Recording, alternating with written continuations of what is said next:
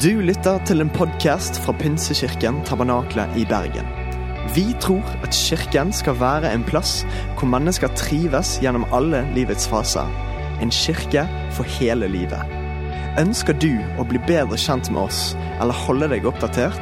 Besøk vår Facebook-side eller ptb.no.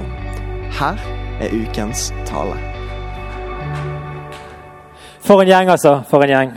Og for en gjeng dere er!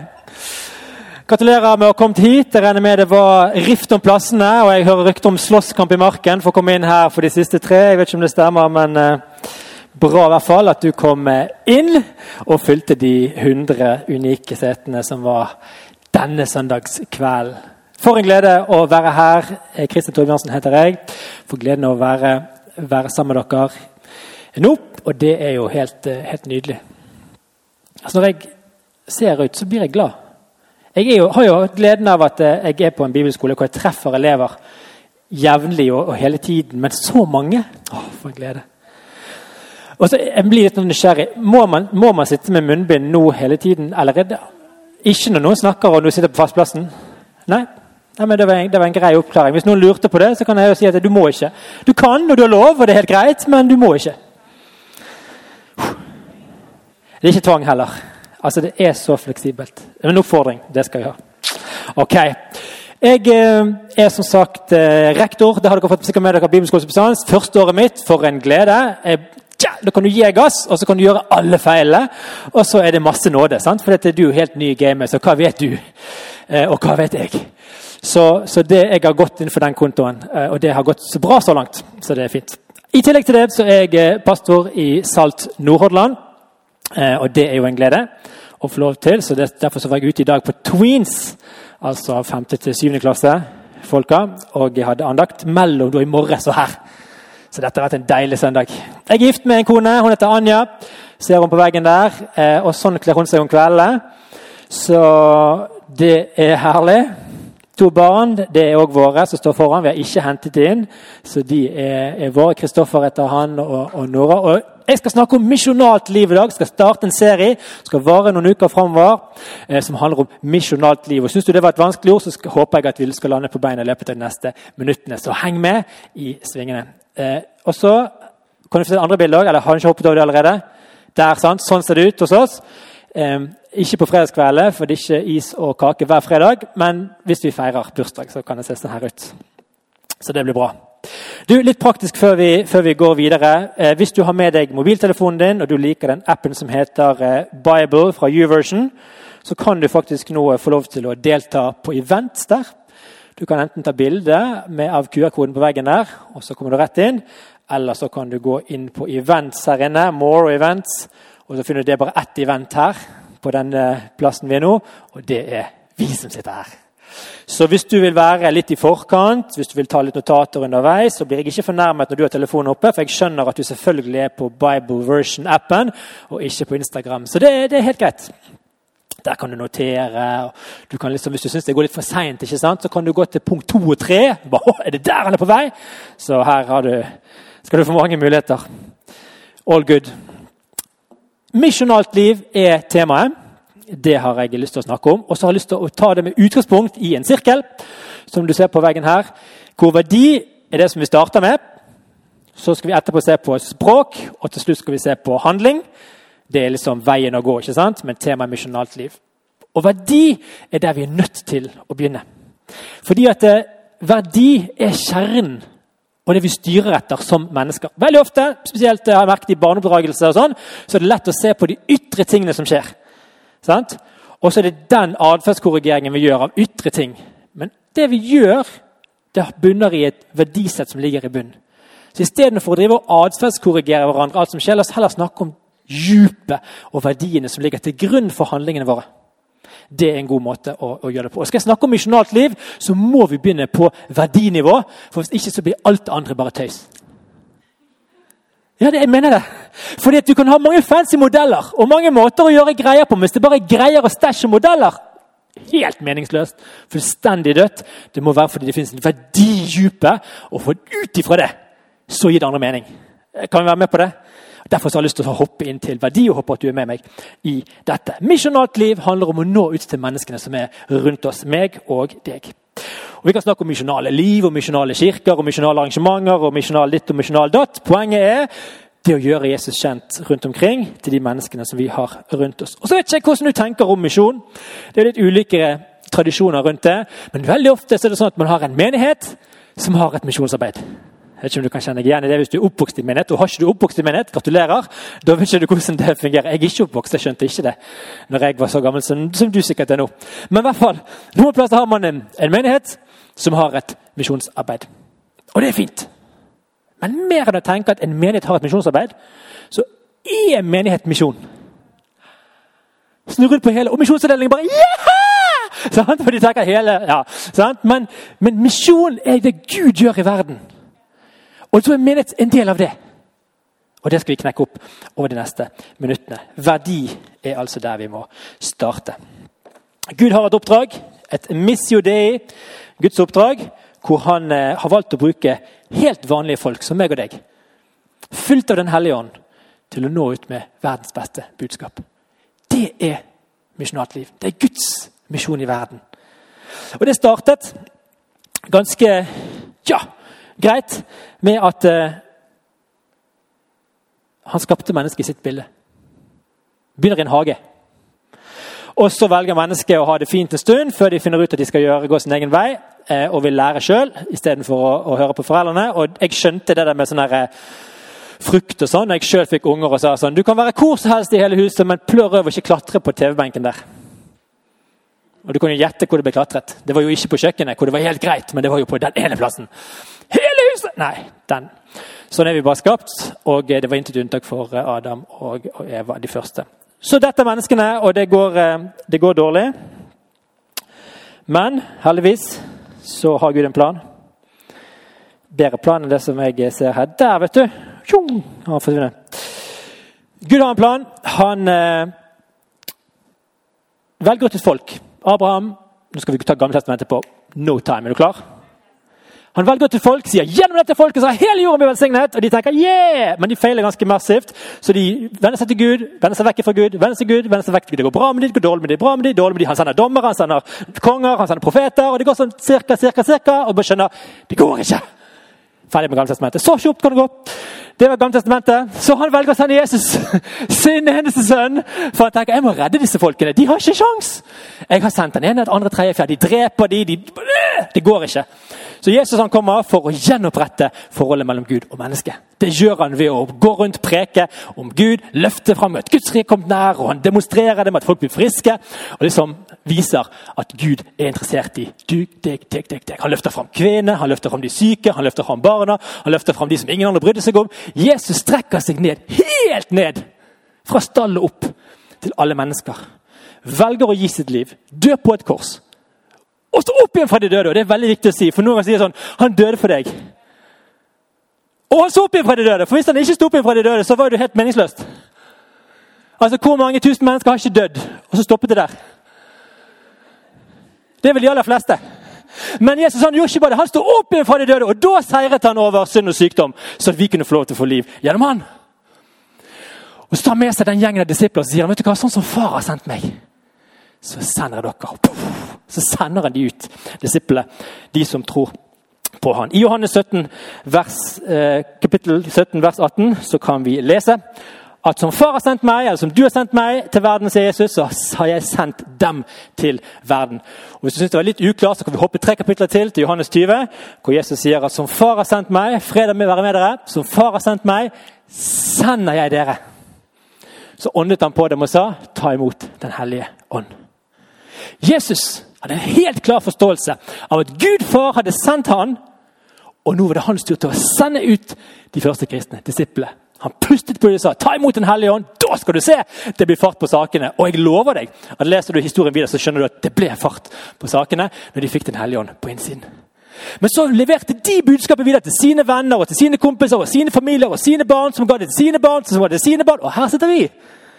Fordi noen har valgt å gå ut med evangeliet om Jesus til den neste generasjonen, til de folkene som er rundt, til de menneskene som er i nærheten. Fantastisk! Men Bibelen slutter ikke der! Bibelen sier at en dag der framme skal Jesus komme tilbake. Og så er det masse krangling om ja, er det før eller etter, eller hvor lang tid, er det 1000 år, er det sånn, er det sånn, er det pre, pre Det er mye greier der. Hvis vi holder oss til det enkle han kommer tilbake.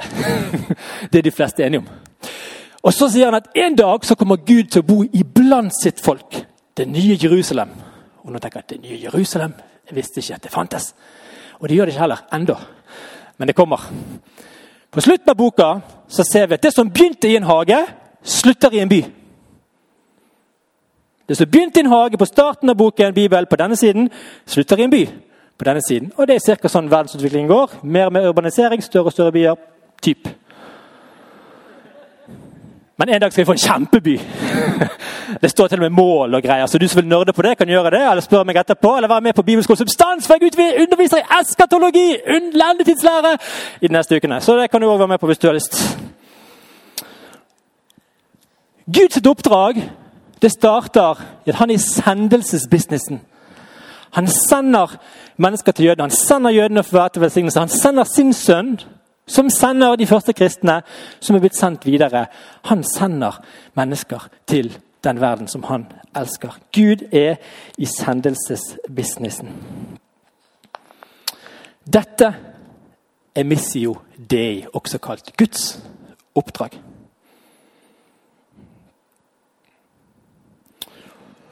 Så spørsmålet da Ja, Gud har valgt å bruke helt vanlige folk så hvis du kategoriserer deg som et helt vanlig menneske, så er du altså inkludert i dette.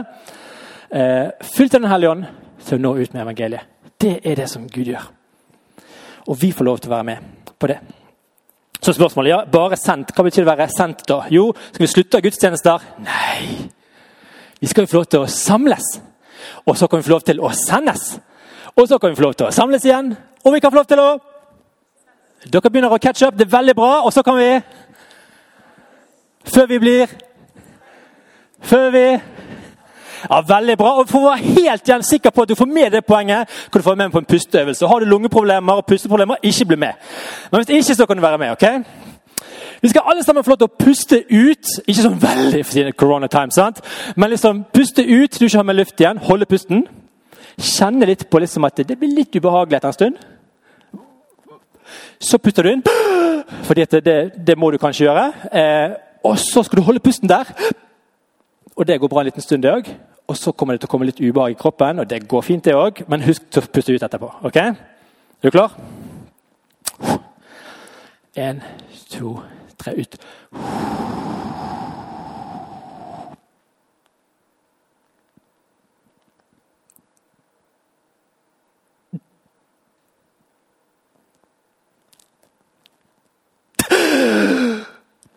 Hold pusten.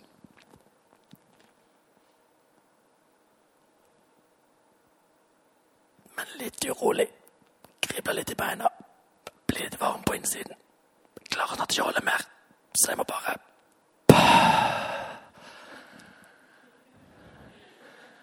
Og du bare Hva mener han? Dette er veldig dypt. Alt som lever, trenger å puste. Vi puster inn, og vi puster ut. Vi puster inn, vi puster ut. Det fins en rytme i dette. Akkurat samme er det som kirke. Vi samles sammen, vi sendes ut. Vi samles sammen, vi sendes ut. Det fins en rytme som deg og meg kan få lov til å være med på. Jesus sier 'kom og følg meg', og så sier han 'gå derfor ut'. Kom og følg meg, gå derfor ut. Samles, sendes. Samles, vi kan nesten begynne å danse, det skal jeg ikke gjøre, men dere skjønner poenget. Rytme. Gud har en tanke om dette. Vi blir sendt med verdier av sjenerøsitet og gjestfrihet og det å være åndsinspirert og Jesus lik osv. Det er en del av det å være sendt til din hverdag og der du er. Disipler som følger Jesus, og som fortsetter det oppdraget som han har sendt oss til. Og Det er dette som er bunndraget på verdinivå. Oppsummering. Misjon er ikke til for Kirken. Kirken er til for misjon. Det er Guds oppdrag. Ok? Og Grunnen til at jeg bruker litt ekstra mye tid på dette med verdi i starten, er fordi at hvis ikke vi skjønner verdien, Guds hjerte som strekker seg ut, som sier at du kan få lov til å være sant, da blir det andre tøysete. Så først må vi gripe verdien. Og ut ifra det, da kan vi begynne å handle. Vi kan f.eks. begynne med et uh, språk. Sant? Vi trenger et språk rundt det. Hvordan ser det ut, da? Hvordan snakker vi om det? Jo, jeg har snakket om misjonalt liv, og vi snakker om at du er sendt. og Vi bruker litt sånne begreper. Det er en del av språket. Og Så finnes det gjerne noen modeller og noen måter å tenke på. Og husk, modell er aldri poenget.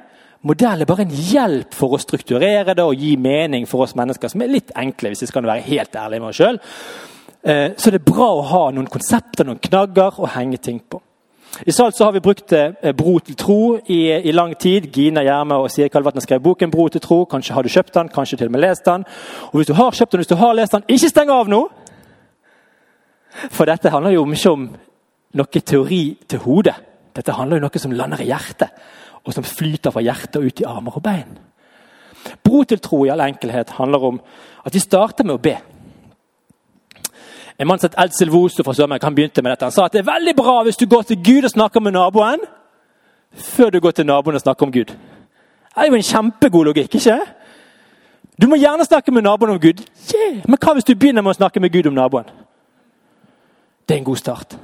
Når vi ber, folkens, så er det ikke bare ord i luften. Det er ikke bare litt sånn. Nei, det skapes ting når vi ber.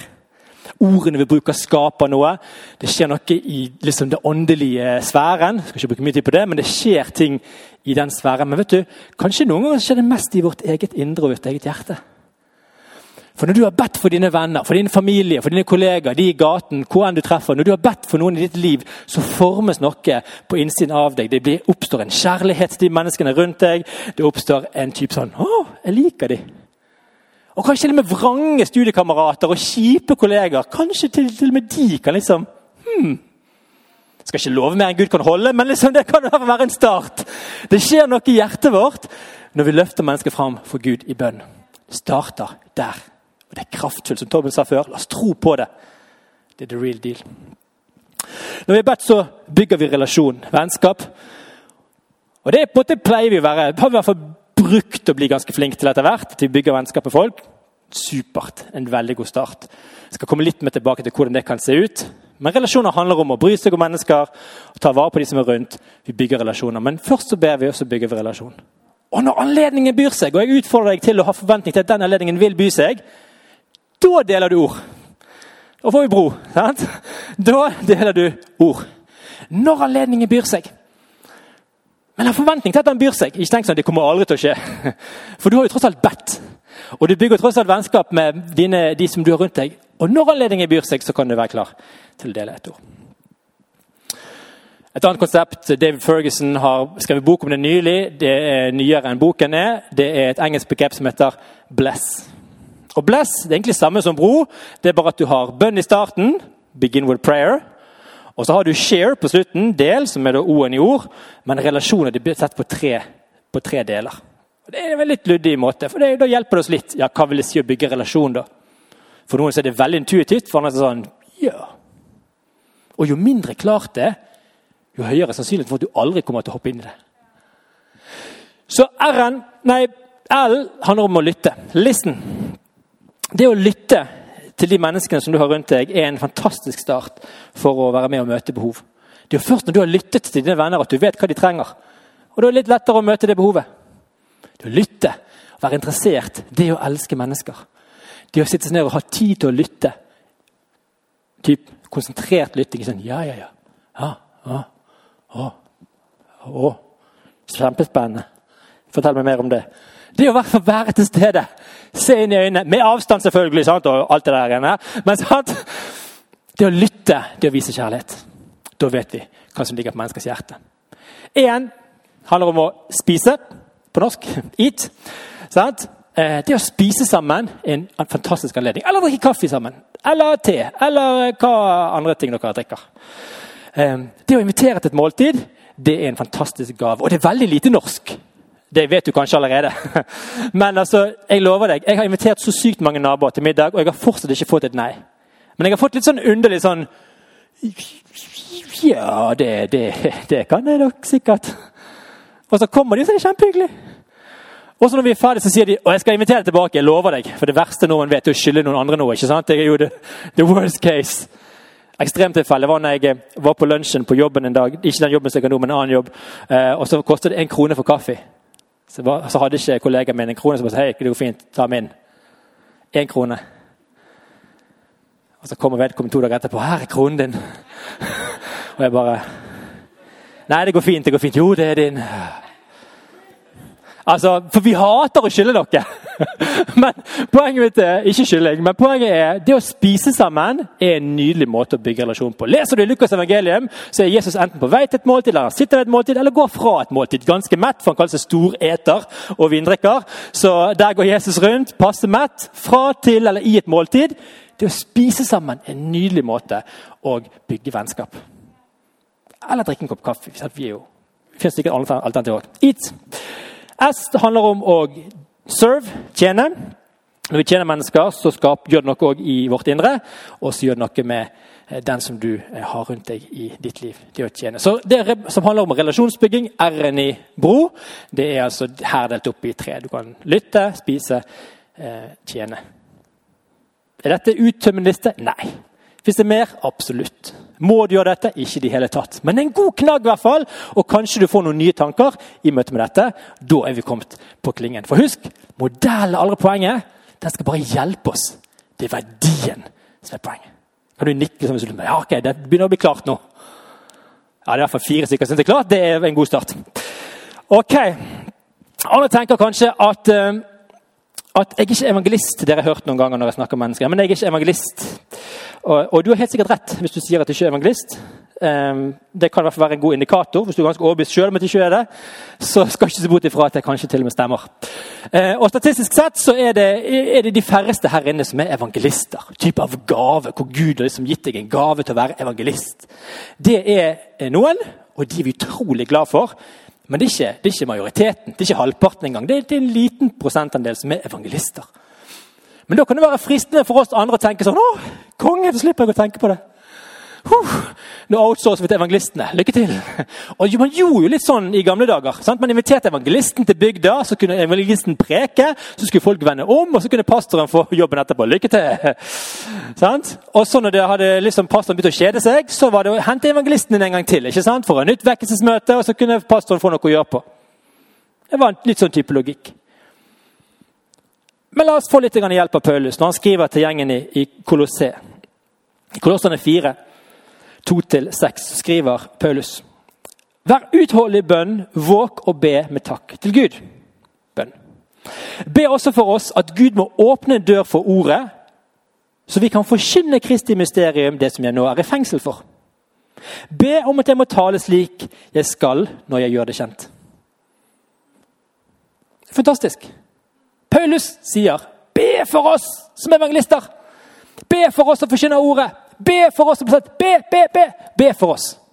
Og Vi skal be for evangelistene, og vi skal be for misjonærene og vi skal be for forkynnerne. Det er fantastisk. Det kan vi alle gjøre. Men han stopper ikke der. Nei, han fortsetter. Jammen santen. Hvem skulle tro? I vers 5 så sier han Gå fram med visdom blant dem som står utenfor, og bruk den dyrebare tiden godt. La alt dere sier, være vennlig. La det ha salt og kraft, så dere vet hvordan jeg skal svare hver enkelt. Det kan vi alle gjøre. Det kan vi alle gjøre. Så skal evangelisten få være evangelist, og så kan vi alle gjøre det som vi alle kan gjøre. Og så må du huske på at da må ikke du sammenligne deg med evangelisten og tenke at jeg, jeg er ikke sånn som da er det beste, det bare lar være. Nei, nei, nei. Du begynner der du er, du. Akkurat der du er. Nå. Ikke der du burde vært. Ikke der pastoren kunne tenkt seg at du var. Ikke der du sjøl skulle ønske at du var. Ikke det er helt care. Ikke der naboene. er. Du begynner der som du er. Og så begynner jeg der som jeg er. Og så begynner du der som du er. Da snakker vi. Det kan alle gjøre. Ta små steg, begynn et sted, og ikke avskriv deg sjøl. Kone og meg flyttet til Knarvik i 2009 eh, for å plante 2010 for å plante kirke, plante Salt Nordhordland. Og eh, Da flyttet vi inn i et borettslag, og jeg tenkte det at eh, en god måte å bety en forskjell for borettslag og miljøet rundt, det er å være dugnadsleder. Og det Det er kjempefint, det. Hvis du liker å få kjeft. Da syns du skal bli dugnad. Hvis du har lyst på kjeft, bli dugnadsansvarlig. så kan jeg love deg at du får innfridd ønsket. For uansett hva du gjør, så får du kjeft. Hvis du gjør dette, så får du kjeft. Og hvis du gjør dette, så får du kjeft. Hvis du gjør noe, så får du kjeft. Hvorfor gjorde du det? Og hvis du ikke gjør noe, ja, da får du også kjeft. Hvorfor gjorde du ikke det? Så det er En nydelig måte å få kjeft på hvis du har lyst til det. Men poenget mitt var da jeg var dugnadsansvarlig, så ble jeg kjent med mennesker. Jeg ble kjent med Alex og Christian og Rune og Martin og Margrethe og Anette og Natalie og sant? Endre og Håkon få? Mange flotte mennesker som jeg fikk muligheten til å bli kjent med gjennom dugnad. Tommel opp. For meg handlet det om jeg bor i Knarvik, i et rekkehus, i et borettslag. Hvordan kan jeg være til velsignelse for det som er rundt? Så får vi se da hva Gud gjør gjennom det. Det er jo ikke på meg, det er jo på han. Men jeg kan liksom stille meg der og si sånn Hello. Og få kjeft. og så bli kjent med noen folk. Og så jobbet jeg på en skole. Knarvik videregående, fantastisk. Ble kjent med elever, ble kjent med lærere. Det var en arena for meg hvor jeg kunne få være med å bygge relasjoner, bygge vennskap. være til velsignelse. Det var viktig for meg at jeg skulle ha et godt forhold til alle. Jeg klarte det ganske bra. Så Vaktmesteren var glad i meg. Vaskedamene, kontorpersonellet, rektoren. I hvert fall mesteparten av tiden. eh, Og eh, kollegaene. Kjempebra! Det gjorde at Hvis de trengte noe, så var det jo alle problem. ja, klart det. Hupp. Og du trenger en nøkkel. Yes. Det er et godt tips. I arbeidsmiljøet, pass på at du blir venn med de folkene som er der. Og vet du hva? Det kan du gjøre veldig enkelt nå. Bare vær over snittet hyggelig. Du trenger ikke være ekstremt hyggelig, bare vær over snittet hyggelig, og du kommer veldig langt i livet. Håper du noterer. Over snittet hyggelig. Sant? Så var det middag med naboer. Det var veldig fint. Men game changeren for oss det var når vi gikk ifra når skal vi invitere på middag, til her er uken min. Torsdag er den beste dagen, vi har best tid. Vi inviterer på middag på torsdag. For da gikk spørsmålet til når skal vi invitere på middag, til hvem skal vi invitere på torsdag. Og kjempekonkret. Vi skal invitere på torsdag, vi bare vet ikke hvem ennå. Da begynner jeg på listen. Hei, Håkon. Vil du gå på middag? Ikke det? Nei, det går fint. Neste uke, da. Kjempebra. Og så får Alex komme nå, da. Er du med? Og så tenker han sånn, å herlighet, middag det er jo too much. og det, Kanskje det er ekstremt en gang i uken. jeg vet ikke. Eh, det må du se dersom det passer med deg. og Kanskje ikke middag er rette tingen heller, men veldig enkelt. Når vi lager middag til vår familie, så tar jeg en sånn med spagetti og så en kjøttdeig. Middag. Og så skal jeg invitere naboen. Hva er forskjellen? Det er to stunder med spagetti og to kjøttdeig. Det er forskjell. Altså, Det tar like lang tid å koke den spagetti om det er én eller to hender. Litt lengre tid med kjøttdeigen, men litt så hacket, så går det veldig bra. sant? Så gjør det enkelt, ikke det komplekst. Så skal du servere lutefisk, smalahove og fårikål, ja, da kan du gjøre det liksom i høstsesongen. ikke sant? Når lammene kommer inn og det er god stemning. Det blir, det skjer ikke. Finn noe som er så enkelt og så liksom Dette kan jeg gjøre. En ekstra hånd med spagetti. Det klarer vi. Eh, det er mitt tips. Må ingenting. Godt tips.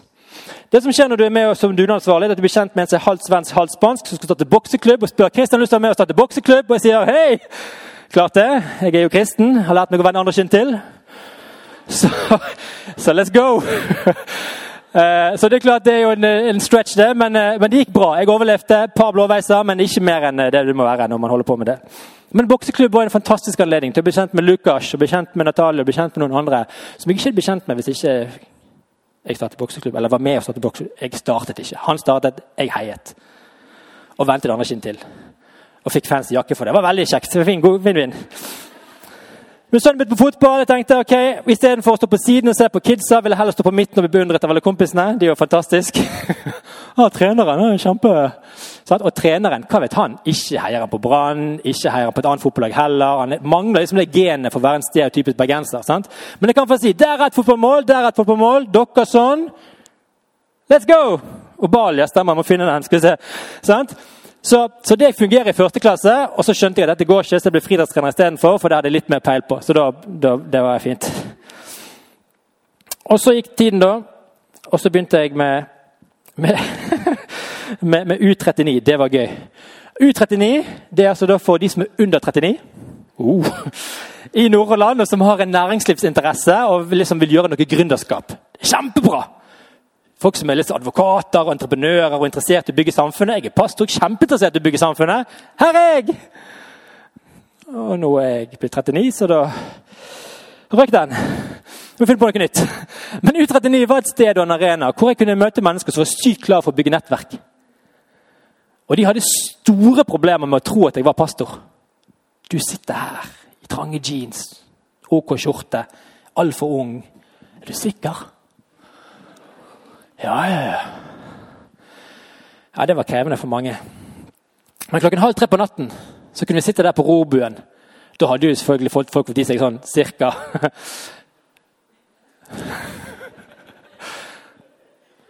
Men det som fascinerte meg når jeg gikk derifra, var det at det, det mest fascinerende for folk som var rundt meg, det var ikke liksom det fancy. Det var at her sitter det et menneske og tror på Jesus. Av egen fri vilje.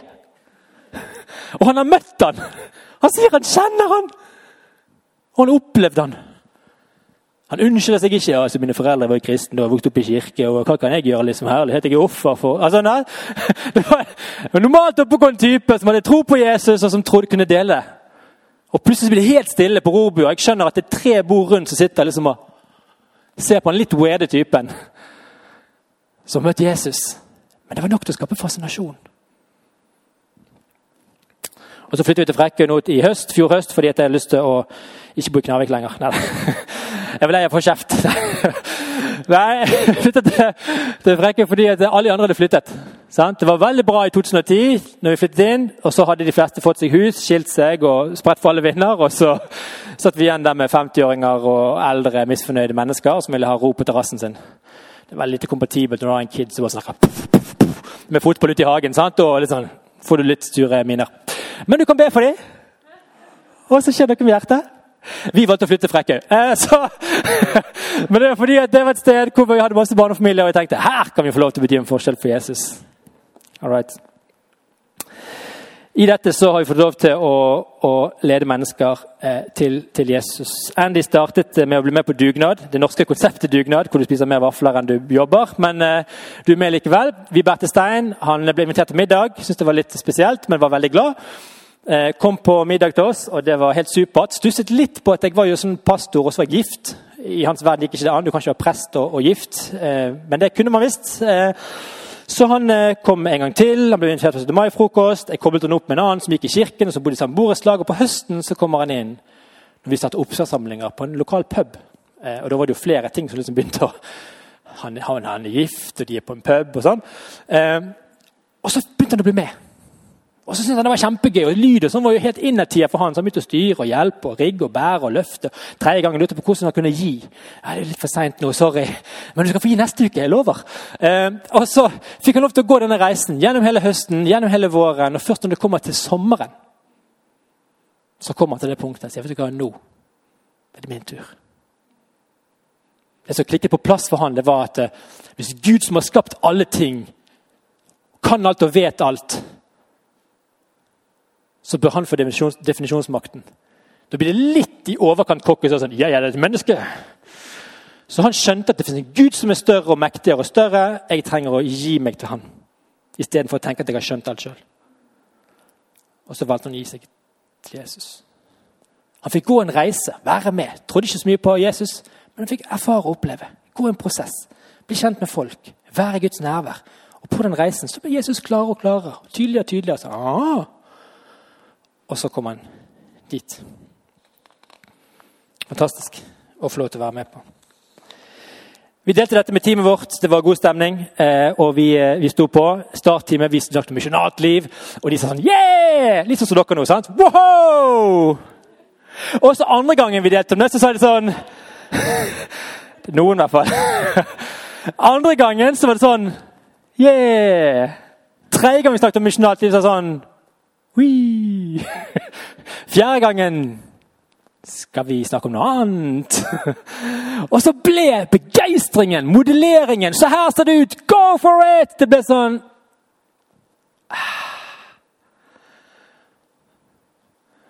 Det siste S hjemme. Det ble når du sa Kristian, vi er ikke relasjonelle. Og da bare puff, da visste jeg ikke hvor jeg skulle gjøre av meg. Altså Her har vi modellert og fortalt og forkynt og gitt gass! De bare Vi er ikke relasjonelle. Og Da hadde de skrevet seg ut av det som jeg nå står og snakker om. For de var ikke sånn som oss. De var ikke gærne, de var ikke crazy. De var ikke så De var vanlige mennesker som ikke var relasjonelle. Jeg så ganske dårlig den natten. Og bare? Hva nå, da? Men jeg opplevde at Gud talte. Noen spørsmål som du skal få nå. Håper du noterer, og håper at du er med. For det handler ikke om å være crazy. Det handler ikke om å være vill, det handler ikke om å ha sykt høy kapasitet. Det handler ikke om å være liksom Det handler om at i det livet som du lever, det vanlige livet, med dine interesser og hobbyer, familie og situasjoner og issues og jobb og studier, whatever it is, der du er i dag, hvilke mennesker kommer du i berøring med? Det er det første spørsmålet. Håper du noterer. Det er for lite trykking. Hvilke mennesker kommer du i berøring med i ditt vanlige liv? Og Har du appen, sant? Bible, så ligger de der. Sant? Hvilke mennesker kommer du i berøring med? Og så er det sykt mange. Det er svaret på det. og så jobber du med det, det er veldig mange. Og noen av de, de vil du ikke komme i berøring med. Det bare skjer. Sant? Som de sure naboene som klager. Sånn, De, sånn, de så ikke på meg en gang jeg gikk forbi, for jeg hadde lagd en mur på feil sted. Sånn. De er bare en del av livet, de òg. Men av alle de som du møter, for better or for worse, hvem av de er det du klikker med? Hvem av de har du en kjemi med? Hvem av de spiser du lunsj med? Eller hvem av de stopper du opp med og spør hva som skjedde i helgen? Eller hvem av de forteller om ferien sin? Hvem av alle de menneskene som du har i ditt liv, er det noe mer med? Et grunnlag for en samtale. Det fins kanskje nysgjerrighet, det fins kanskje en invitasjon, det fins kanskje en gjensidig respons. Det fins kanskje samtaler som foregår. Hvem er de menneskene? Og da har vi snevret inn til en langt mindre liste. Det tredje spørsmålet. Det første hvem har du i livet, det andre hvem klikker du med. Og det tredje det handler om hva kan være det neste steget du kan gjøre i den relasjonen. Jeg er helt overbevist om at Den hellige ånd kan lede deg til gode, nye steg. Kanskje er det å gå en tur, kanskje det er å spadere en lunsj, kanskje er det å invitere på middag, kanskje er det å gå en fjelltur, kanskje er det å whatever. Jeg vet ikke hva det er. Kanskje du kjøper en blomst, kanskje du være oppmerksom på en bursdag. I don't know. La Den hellige ånd få lov til å tale til deg. Hva er det neste steget i den relasjonen? Og Jeg er helt overbevist om at da har du en liste over mennesker som du kan bygge en bro til tro til. Da har du en gjeng som du kan få lov til å dele med. Da har du noen som du kan bære med deg i ditt liv og tro Gud for at skal få oppleve det beste livet, nemlig livet i etterfølgelse av Jesus.